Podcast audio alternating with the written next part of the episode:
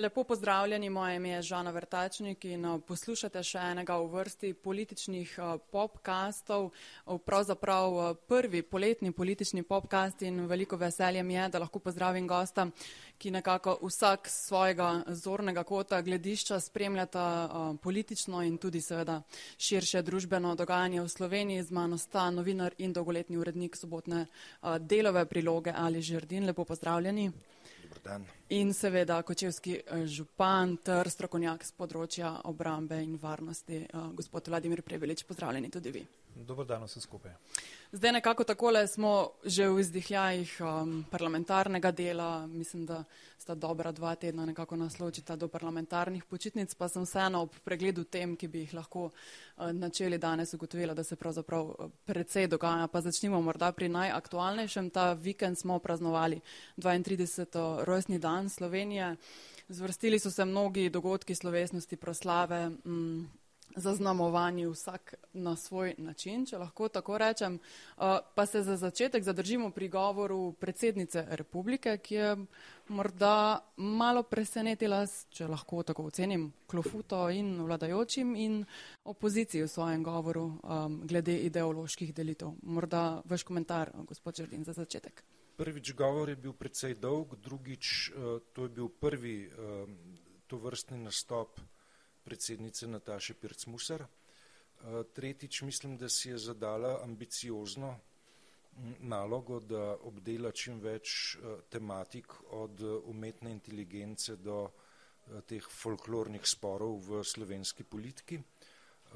In bi rekel, da je kar en boljših govorov v, na, na teh zadnjih proslavah, ki smo jih, ki smo jih slišali da je dober ne? za nekoga, ki um, težko sedi in posluša dolge govore, um, je bil govor predolg, ne? ampak nekaj sporočil, ki so pa zelo relevantna, uh, je pa um, predsednica uh, javnosti in slovenski politiki namenila, uh, tako da se mi zdi, da je uh, kar na nek način popestrila tako politično dogajanje kot uh, neke um, parametre, ki so do zdaj veljali za um, govor, ki, ki, ki se odvija ob, ob pomembnih državnih obletnicah.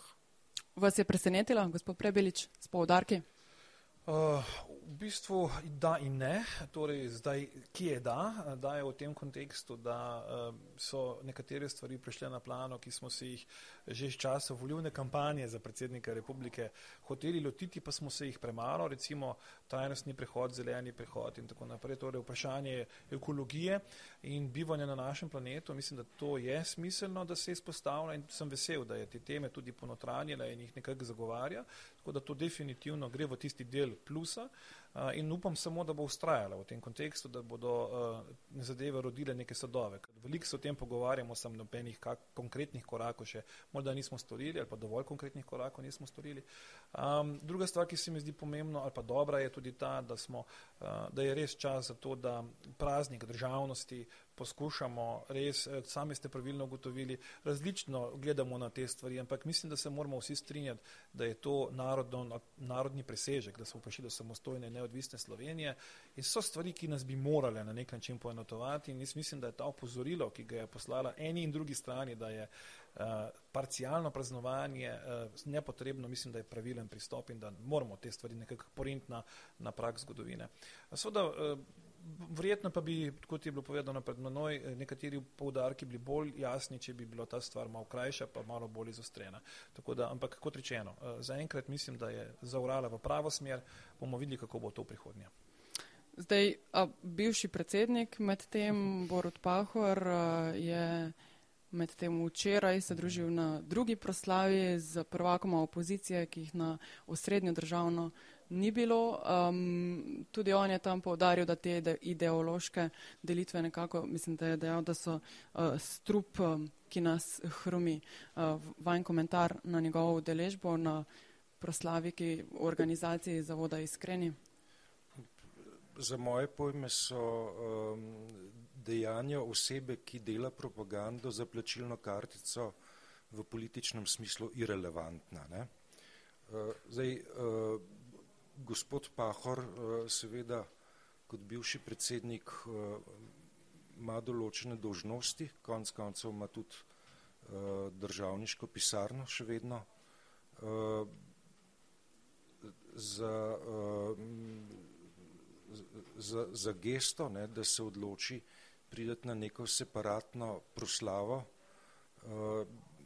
bi pa tukaj rekel, da, da je ta gesta zgrešena. Ne. On še vedno ima državniške naloge po zakonu, ne. če bo pa čez nekaj let, ko bo samo še bivši, bivši predsednik brez tega zakonskega statusa, ki ga ima zdaj, ne, hodil na neke interne proslave, pa seveda to možnost ima. Zdajle je pa vendarle pod režimom, ki velja za, za bivšega predsednika statusom bivšega predsednika.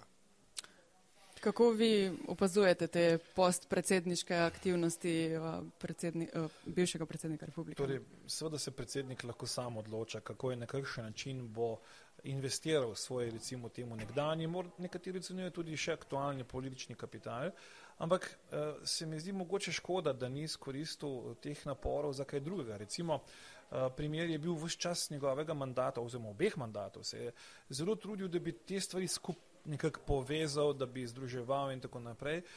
Zdaj jaz razumem to, kot da je mogoče mačkano obupo ali pa da se mu ne da več v tej smeri delovati. Bilo bi pa modro in smiselno, da bi se morda z aktualno predsednico republike angažiral bolj v tej smeri, kako imeti eno, ne dveh proslav. Jaz mislim, da je to napačen signal, da tega res ne potrebujemo. Že vedno znova poudarjam, tudi kot recimo temu vojaški zgodovinar, da je nastanek Slovenije bil omogočen predvsem, ker so ljudje, še enkrat, prebivalke in prebivalci Slovenije vedeli, kaj hočejo. Politična elita ni bila tako prepričana oziroma so bile razlike med njimi v teh pogledih, ampak se mi zdi, da ta odločenost naroda bila tista, ki je pravzaprav potiskala potem vse ostale odločitve v smer, ki smo na koncu jih manifestirali v samostojni Sloveniji. Torej, ta, to sporočilo mislim, da bi bilo mogoče večkrat treba povedati in bi na tem bilo smiselneje graditi, kot na tem, kako politične elite zdajšnje in prejšnje vidijo te stvari, ker te vidimo, da jih vidijo zelo, zelo različno in nikakor ne posebej, posebej združevajo. Ta, ta poanta se mi zdi pomembna, ne, o, o tem pravzaprav, kaj smo včeraj praznovali. Praznovali smo odločnost ljudstva.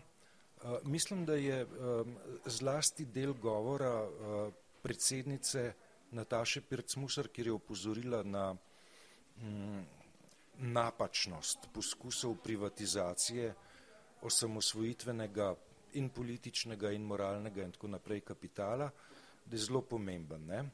In da bi uh, pravzaprav uh, tist, kar bi, kar bi pričakoval uh, ja, tudi od bivšega predsednika, da tukaj govori v smeri, da uh, poskusi privatizacije tega uh, političnega kapitala, ki izvirajo iz leta 1991, niso, uh, niso primerni. Ne? Dej, te separatne proslave so pa točno to, ne? se pravi proslave, ki um, pravzaprav premikajo povdarke, kje so zasluge. Ne?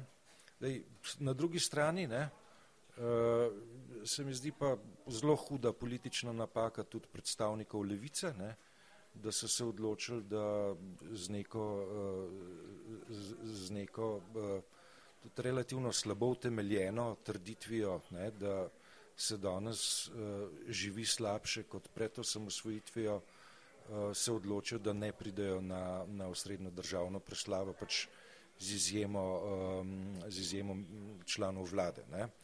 Ker, tako, ne, da uh, populistično govorjenje, da uh, se dan danes živi slabše kot uh, pred letom 91, bo morda določen odstotek ljudi prepričalo, ne, dej, podatkovno, ne, uh, je pa vendarle, ne, jaz mislim, da potrebno priznati, da je Slovenija v 32 letih naredila nek spoštovanja vreden uh, dvig, ne bom rekel, da vzpon, ne, ker je, um, ker je to, ta uh, dinamika kakovosti življenja nekoliko nihala. Ne?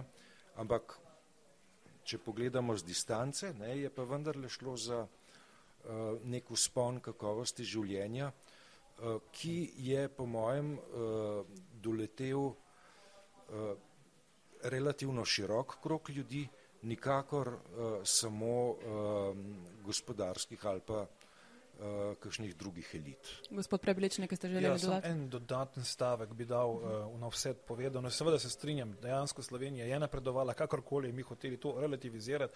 Morda nismo zadovoljni z napredkom, morda nismo zadovoljni z vrednotami, v katerih živimo. Tukaj je vprašanje, ki ga mogoče lahko odpremo enkrat drugič in se pogovorimo, kaj bi lahko drugače naredili ne na gmotnemu in pa statusnemu življenjskem stilu, ampak seveda na vrednostnem. Tle se da debatirati. Ne.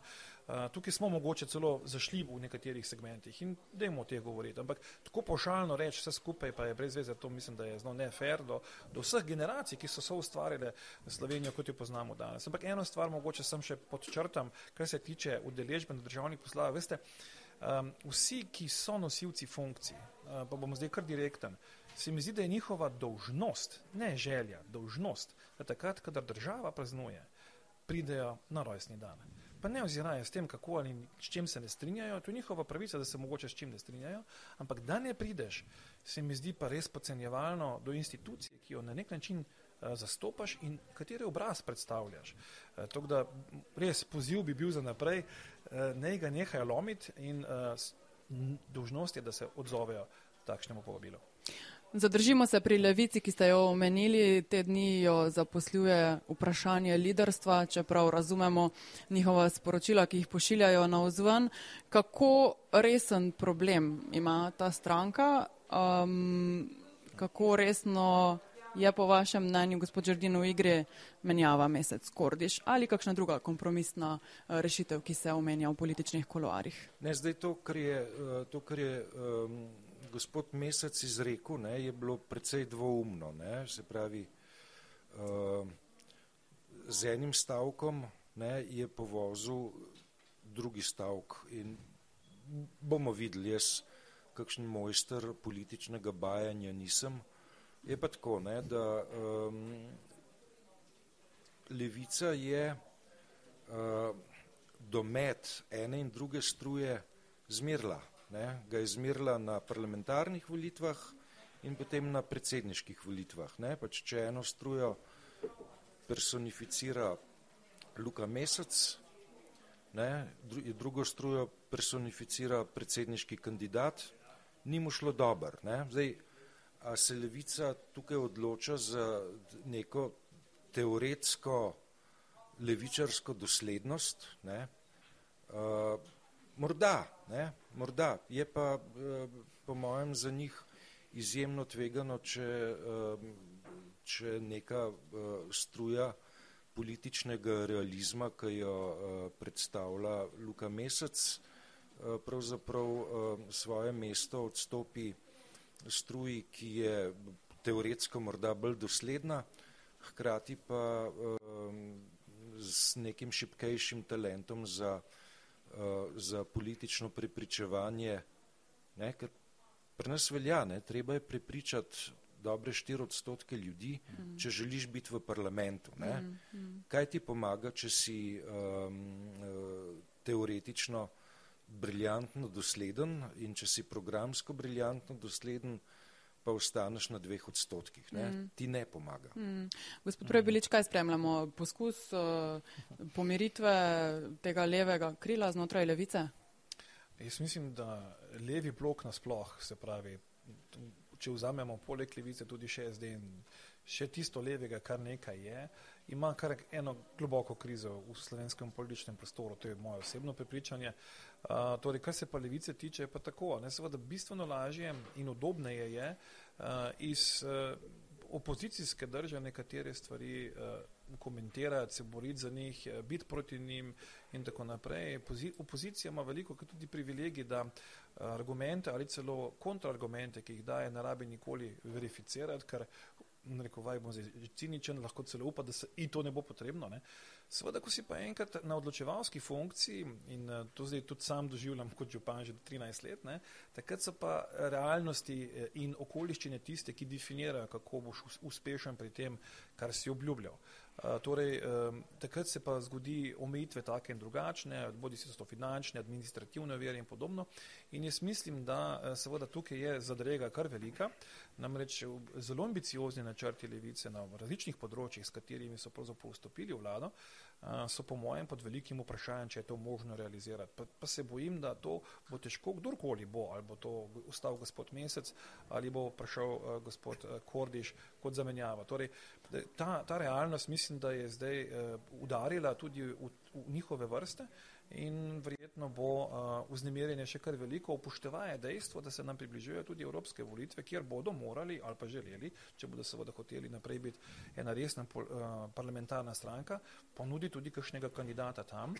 In trendi seveda ne gredo prav prid temu, namreč vstop v Evropski parlament na nek način zabetonira, mislim, da 8 do 10 odstotkov, kar pa za marsikoga lahko predstavlja velik izjiv zelo ambiciozne napovedi levice, tudi opredeljene z zelo konkretnimi številkami. Tako je, tako je. In jaz mislim, da so bili mogoče, se seveda iskrenost veliko, veliko velja in, in, in uh, je zanimiva, ampak mm. če ne prideš do realizacije lete, ne, in to se dogaja vladi, po mojem, v celotnem spektru, potem seveda stvari lahko zelo zabolijo in ljudje postanejo razočarani, prizadeti in se obrnejo drugam. Slovenija nima takšnega volivnega telesa, mogoče kot nekatere druge demokracije, ki je zvesto nekaterim načelam. Pri nas je veliko nihanja, prehajanja in tako naprej in to se zdaj kaže tudi v mojem v javnomnenjskih raziskavah. A se jim dogaja grška Siriza? Siriza ima še vedno, ne glede na to, koliko je zgubila na teh volitvah, kar prepričljiv odstotek v, uh, v grškem parlamentu. Ne? Tako da uh, primerjava med slovensko levico pa grško Sirizo po mojem, po mojem ni, ni najbolj primirna. Ne?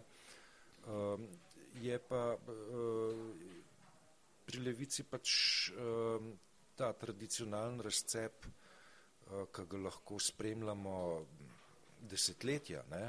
se pravi med, med neko teoretsko neoporečno, lahko pa rečem tudi fundamentalistično držo, pa političnim realizmom. Ne. To, konc konca smo to spremljali pri nemških zelenih ne, in uh, pri nemških zelenih, ne, ki so do neke mere sorodni slovenski levici, ne, se je uh, z Joško Fišerjem uveljavilo načelo, ne, pač da to stranko vodi politični realist oziroma politična realistka. Ne um, da pač imajo neko strujo, ki uh, je uh, v svoji naravi fundamentalistična, ne?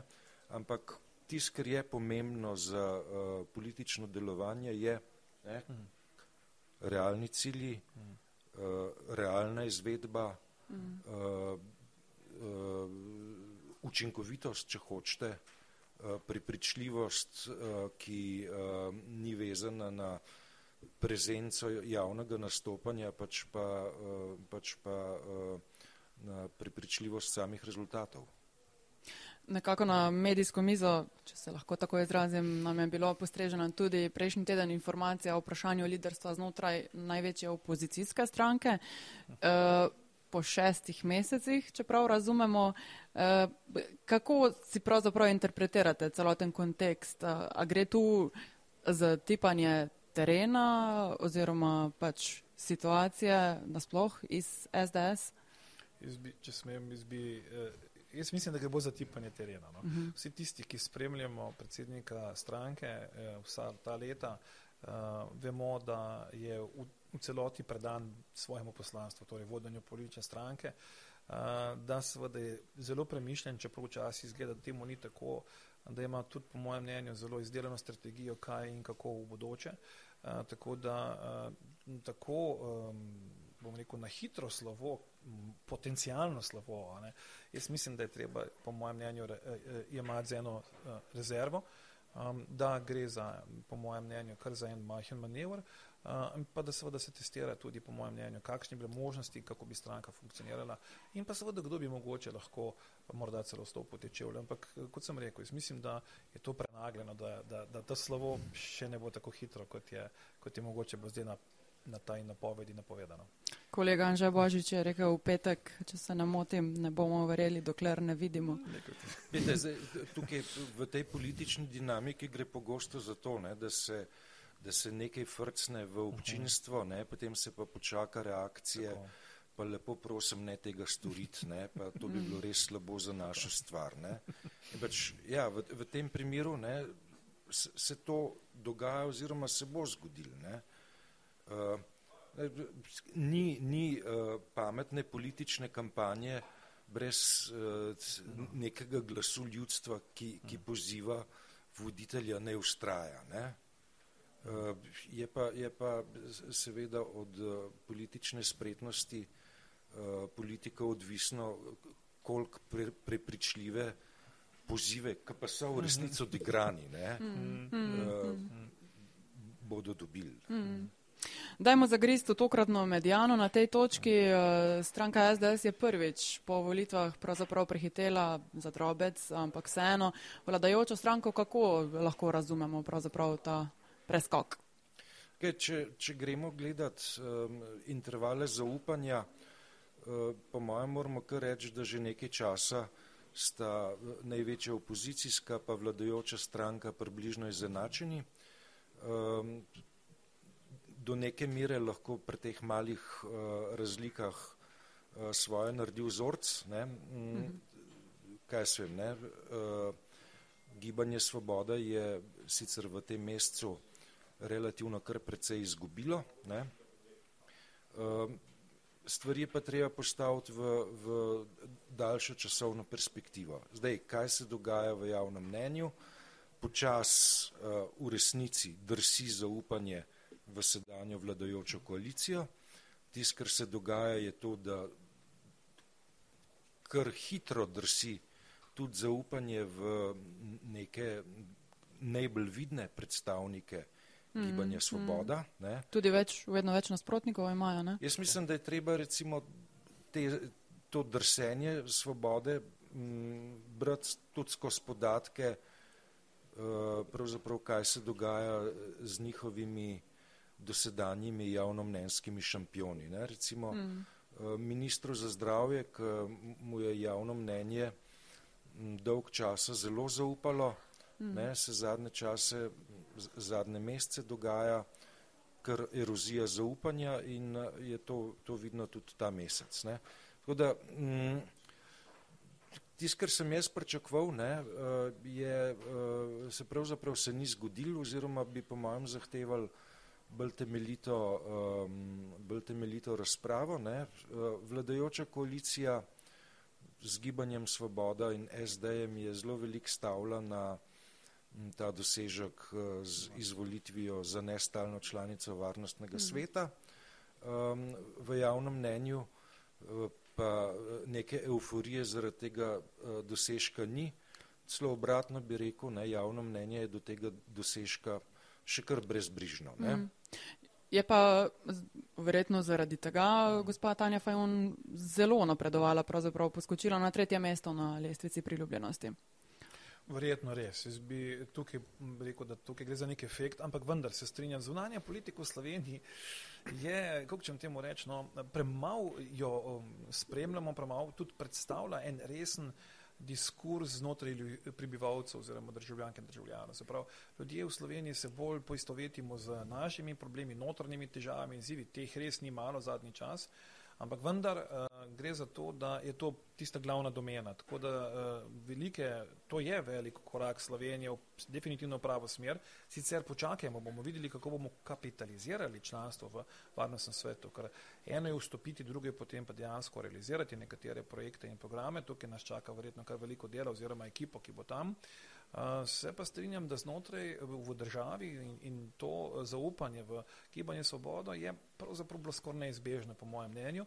Namreč že zmaga na volitvah je bila um, bolj zmaga antivolitev. Ne, trdim, že nekaj časa ljudje v Sloveniji hodimo na antivolitev. Se pravi, mi ne hodimo voliti za nekoga, ampak proti nekomu. Ne. In zdaj seveda, ko javno mnenje oceni, kdo je tisti, ki bo premagal, proti komu volimo, ta bo dobil tudi podporo in zaupanje. Smo taktični voljivci in rečemo, aha, ta ima največjo možnost in tako bo tudi šlo. To sem tudi sam izkusil na svoji kampanji ne, v, mm. v predsedniškem času.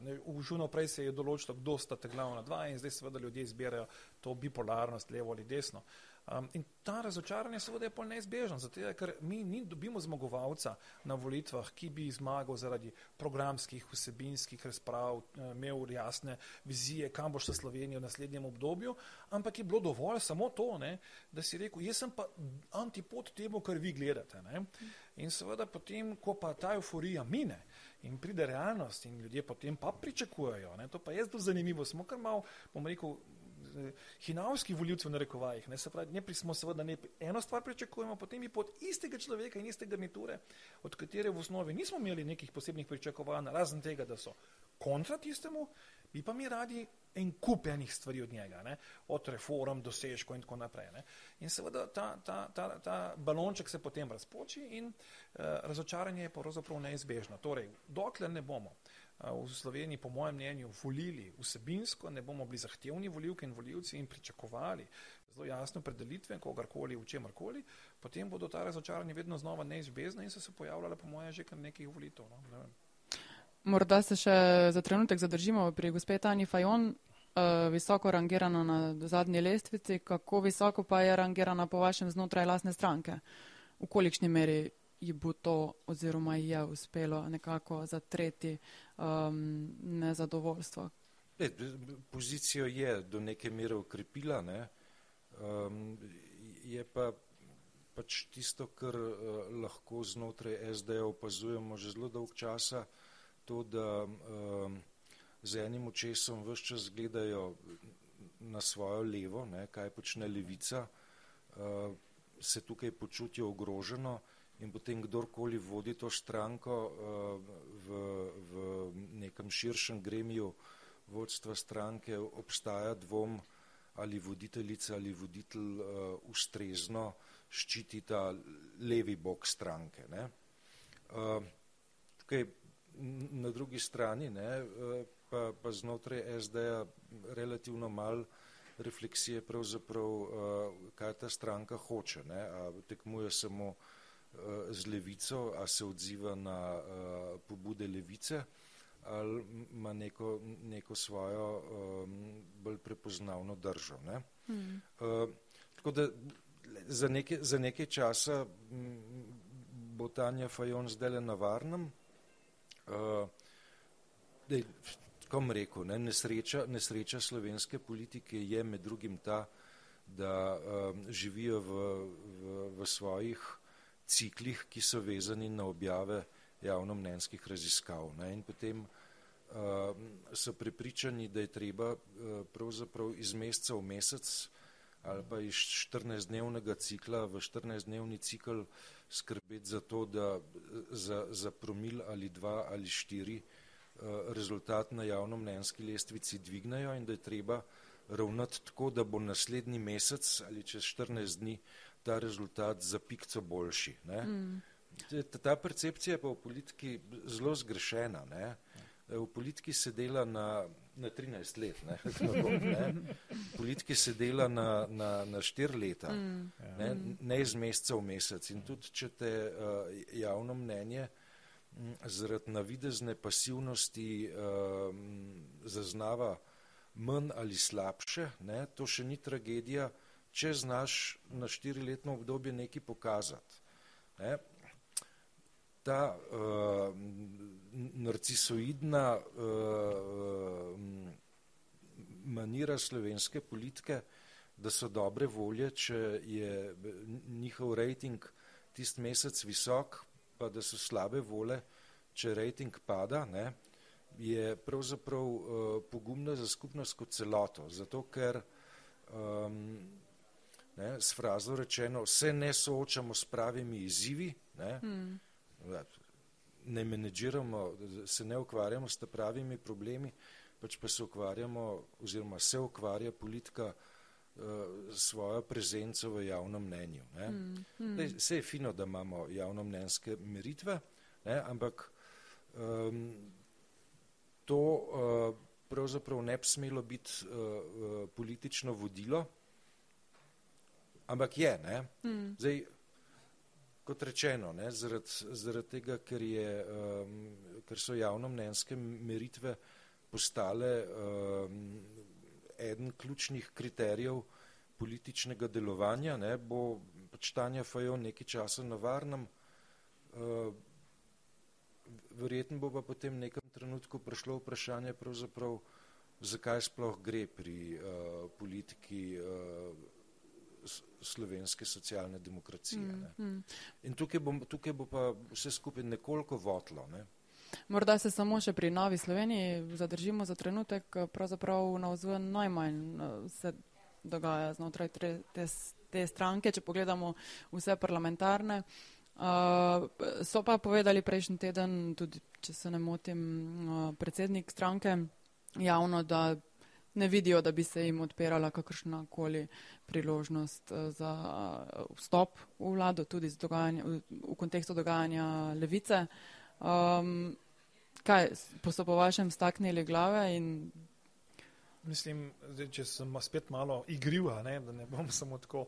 Uh, pravzaprav za njih dela čas. Ne? Za njih dela čas in jaz mislim, da ta vlada bo imela samo več izzivov in več težav in vedno teže jih bo pravzaprav reševala v tej strukturi, kot jo gledamo danes. Ta zasedba je pred velikimi izzivi in seveda po domače ne vem, če jim je potrebno zdaj se nekam na eno, na eno ladjo nakrcati, na, na za katero ne vemo, če bo prispela na cilj. Jaz mislim, da kot sem rekel, čas v tem kontekstu dela za njih imajo zelo trdno in stabilno volivno bazo, so zelo aktivni na, na terenu, to moram reči, kot nekdo, ki ni v Ljubljani in spremlja te stvari od ozunaj. Uh, Uh, SLS, NS in ostala desnica se že zelo veselo pripravlja na evropske volitve, ker imajo jasne cilje in uh, si želijo seveda ohraniti ali celo mogoče povečati število poslancev v tem kontekstu. Seveda za njih je to velika priložnost, ker kot sem rekel, levi blok je dokaj prestreljen in bo težko pravzaprav dosegel to, kar so včasih dosegli. Uh, mislim pa, da je SD, če se dotaknem samo mogoče za majčkano nazaj, uh, nekako se mi zdi, da niso že po, po volitvah, to, ki, kjer rezultat ni bil, ni bil ravno briljanten, mm. opravlja enega res temeljitega razmisleka, saj meni se tako zdi. Um, nihče pravzaprav ni neke zelo velike odgovornosti za karkoli prevzel. Bilo je neke slabe volje, mislim, da je podpredsednik KTK tudi odkorakal iz stranke. Tako, uh, tako. tako gospod Pikalo, ne? Uh, ampak to je bilo to. Ne? Uh, niso naredili neke analize, kaj se je zgodilo, kaj je šlo narobe. Uh, In kot, kot sem rekel, ne pozabimo, pred njimi, uh, pred temi strankami so lobske volitve, kjer so pa tudi pričakovali nekaterih vidnih članov stranke, konkretno tudi v SD-ju, da seveda ohranijo dva poslanca. Uh, in jaz mislim, da je to vsaj za enkrat skoraj da misija nemogoče, po mojem oceni. Mm. Namreč to bi pomenilo vsaj podvojiti uh, trenutno podporo, kar mislim, da bo v, v, glede na izzive, ki jih imajo in so v vladi, zelo težko. Hmm. Gospod Pikalo zdaj razmišlja skupaj z gospodom Anžetom Logarjem, ki pa mislim, da ga prav zares nismo slišali od ustanovitve tega, te platforme sodelovanja. Uh, jaz mislim, da, da uh, gospoda Logarja že zelo dolg časa nismo slišali, pač z izjemo um, njegove predsedniške kampanje. Zadnjič sem gledal, no, kako se gospod Logar oglaša v parlamentu. Ne, on je eden od izrazito neaktivnih mm. članov parlamenta. Ne? Zdaj pač, uh, tako bom rekel, ne, tako kot se spodob hoditi na državne proslave, če si politik, ne, se spodobi v parlamentu nastopati, če si poslanc. Mm. Razumem Dejana Zavca, da uh, je redko beseden, ne, pa da ima uh, um, izrazito uh, nizko minutažo pri nastopanju, medtem ko pri uh, Anžetu Logarju, ki um, je elokventen, ki, uh, ki je retorično izjemno močen, ga pa pogrešam. Ne? Pogrešam tudi to, da bi na glasovanja hodil v državni zbor. Da, ta njegov visok javnomnenjski ugled ne, je um, v hudem kontrastu z njegovo z, z političnim z opravljanjem njegove politične službe. Ne? Mm. Pač nekdo, ki um, se um, relativno redko ali pa celo med nej, najredkejšimi udeleženci glasovanj v državnem zboru, uh, to, je, to je nekaj, kar, kar ni v redu. Ne? Je treba hoditi na glasovanje. Vse tečem, ne? verjamem, da je, da je to, to nek grozen del, ne? Da, da prideš za mizo pa stisneš gumb, ne? pa s tem uh, nek svoj, svoj uh, proporc ljudske volje uh, probaš, mm. probaš spraviti v obtok. Ne? Ampak ne, fino bi bilo, no, da, da uh, ob tem, da, da ustanavlja platforme, pa tist, za kar pa je v službi, pa oddela. Ne? Mm. Mislim, da, tlej, tlej, zabaven kontrast. Se, lahko razumemo ne, usporedno ustanavljanje neke platforme kot zmanjševanje pomena parlamentarizma. Pravzaprav. Ah, to mislim, da je mogoče pretirano. Ne? Tudi mislim, da je naš parlamentarni sistem vseeno kar dosti dobro uzakorenjen tudi v ljudeh. Se strinjam, da se da poskuša obvode iskati, ja, ampak da bi ti obvodi bili lahko uspešni, saj jaz upam, no, da, da, se, da se ne motim, da je to težko. bi pa izdal oziroma povedal še nekaj. Ne? E, naše volilne telo je res zanimivo, ne? tako je bilo prej povedano. Ne? Namreč, ko smo imeli, pa spet, pa da ne bo zdaj to narobe razmišljeno, da tisti, ki bodo poslušali podcast, mislijo, da imam jaz neke travme iz, iz nekega drugega življenjskega obdobja jih nimam. Sem se pa naučil nekaj, namreč um, jasno opredeljevanje in, in zauzemanje stališč, torej da imaš jasne stališče glede nekaterih vprašanj, ki so po mojem pomembni, zelo pomembne za našo družbo, ni nujno dodana vrednost v naši družbi. Kar je res paradoks, torej ljudje v osnovi želijo, da imaš jasno stališče, kar se nekaterih vprašanj tiče, in ko jih zauzameš, uh, ni nujno, da bodo to nagradili. Uh, zaradi tega menim, da gre tukaj tudi za neko igro. Ne? Torej, preden zauzame kdorkoli kakršnekoli stališče, seveda vse čas poskuša preverjati, domet, išče, kakšne odzive bodo pravzaprav deležen v našem volilnem telesu, ki, kot sem rekel, je malo mal, uh, hipokritično. Torej, na eni strani si želi te stvari, ko pa jih dobi servirane in bi jih potem ali zavrgal ali nagradil, pa do tega ne pride. Tako da to so take malo anomalične stvari v naši družbi. Mm. In kot rečeno, to ni zdaj moja osebna izpoved, ampak izkušnja, ki sem si jo pridobil skozi eh, kampanjo, v kateri del sem bil. Mm. Dajmo zaključiti še z eno temo, nikakor eh, najmanj pomembno. Rusija um, včeraj, eh, če se ne motim, se je sestavil tudi svet za nacionalno varnost pri nas. Uh, kaj napovedujete za naslednje mesece? Vem, da je nehvaležno, ampak vendarle. Tukaj smo pred uh, neko zelo, zelo zapleteno sliko. Zdaj, zakaj se je sestal svet za nacionalno varnost? Ne? Sestal se je med drugim zato, ker gre za dogajanje v jedrski vele sili. Ne? Uh, hkrati je pa, uh, kot smo videli uh, čez vikend, ne, na prizorišče vstopila druga jedrska sila, nova, ne, pač po trditvah uh, Moskve in um, Minska, ponovem tudi Belorusija uh, razpolaga z jedrskim taktičnim orožjem um, in hkrati Belorusija uh, tukaj odigrala neko tako um, nalogo zajca iz klubuka, ne, ko uh, rešuje pravzaprav Putinove notranje politične težave. Uh, tisto, kar jaz pričakujem, je, da se bodo Putinove notranje politične težave stopnjevale. Ne gre tukaj samo za eh, te paravojaške skupine, ki obstajajo, pač pa gre za zelo verjetne razpoke tudi znotraj uh, oligarhičnih omrežij, um, očitno razpoke tudi znotraj um, varnostnih struktur uh, in to, kar uh, velja od uh, včeraj oziroma predvčerajšnjem naprej, je, da um, Putin ni več absolutni hegemon uh, ruskega dogajanja, pač pa imajo izredno pomembna uh, besedo tudi frakcije. Prav to, ne, da je moral Lukašenko pravzaprav rešvati Putinu situacijo s Prigožinom, po mojem mnenju uh, govori, govori o tem, da uh, je Putin uh, delč najšipkejši v 23 letih svojega vladanja. Delite oceno, gospod Prebelič? Jaz bi si želel, da bi bilo vse tako. Bojim se, da ni čisto tako. Namreč ta poteza Belorusije in preselitev Wagnerja in seveda Prigožina tja lahko odpira tudi nova vprašanja, torej ali se lahko tukaj zdaj stopnjuje pritisk še z druge strani na Ukrajino. Jaz upam, da se motim, kot rečeno. Bojim pa se, da je strateško to malo bolj domišljena operacija, kot zgleda mogoče na prvi pogled. Uh, stri, bojim se in strinjam se, da se bo verjetno stvar nadaljevala še nekaj časa. Vsi, ki so uh, bili morda navdušeni nad tem, da bo Putin v kratkem izgubil uh, vajeti oblasti, mislim, da, da so prezgodaj odpirali šampance, nažalost pa da nisem jaz niti mi, v čemrkoli podpornik Putina. Sem hočem povedati, da je to prezgodaj. Uh, in bo treba zelo preudarno razmišljati, kako naprej. Namreč do danes še nihče tudi ni odprl vprašanja, kaj je po Putinu. Ne? Namreč vsi smo se nekako skoncentrirali okrog tega, da gospoda Putina več ne bo v Kremlju, kar je seveda dobro, definitivno.